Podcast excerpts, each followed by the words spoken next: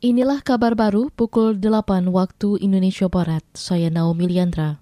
Muh Subsi Azal Sani, MSAT alias Becky akan menjalani sidang perdana kasus dugaan pencabulan hingga pemerkosaan hari ini 18 Juli di Pengadilan Negeri Surabaya.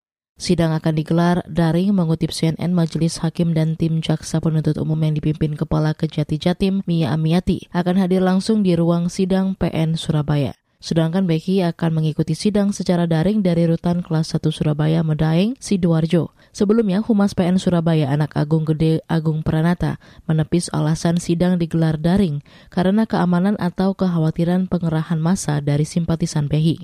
Behi akan didakwa dengan pasal berlapis dengan hukuman maksimal 12 tahun penjara.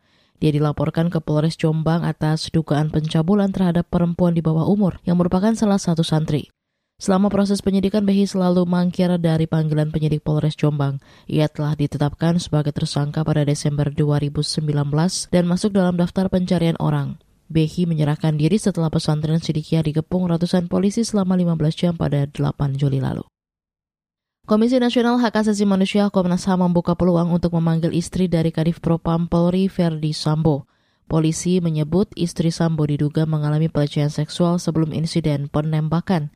Komisioner Komnas HAM Hoirul Anam mengatakan pemeriksaan akan dilakukan setelah timnya menggali informasi dari keluarga Brigadir J.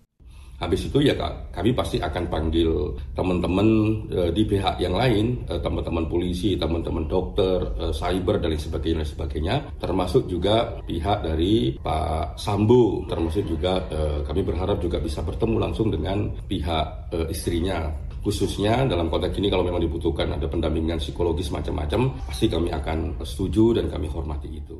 Komisioner Komnas HAM Hoirul Anam juga mempersilahkan jika ada masyarakat yang memiliki informasi dan bukti terkait kasus ini. Dia menjamin Komnas HAM bekerja secara imparsial dan objektif. Saudara, menurut keterangan polisi, insiden penembakan terjadi pada Jumat 8 Juli lalu. Penembakan bermula saat Brigadir J diduga melakukan pelecehan pada istri Ferdi di kamar. Baradae yang mendengar teriakan istri Ferdi langsung menghampiri. Baku tembak tak terelakkan dan menewaskan Brigadir J. Antrian panjang kembali terjadi di berbagai bank makanan food bank di seluruh Amerika yang seiring semakin banyak warga yang kewalahan menghidupi keluarga mereka di tengah inflasi yang mencapai rekor dalam sejarah Amerika. Melansir VOA, melonjaknya harga BBM dan bahan makanan membuat banyak orang untuk pertama kalinya beralih ke badan-badan derma yang memberikan makanan dan tidak sedikit yang datang ke lokasi-lokasi food bank ini dengan berjalan kaki. Inflasi di Amerika mencapai 9,1 persen atau yang tertinggi dalam 40 tahun.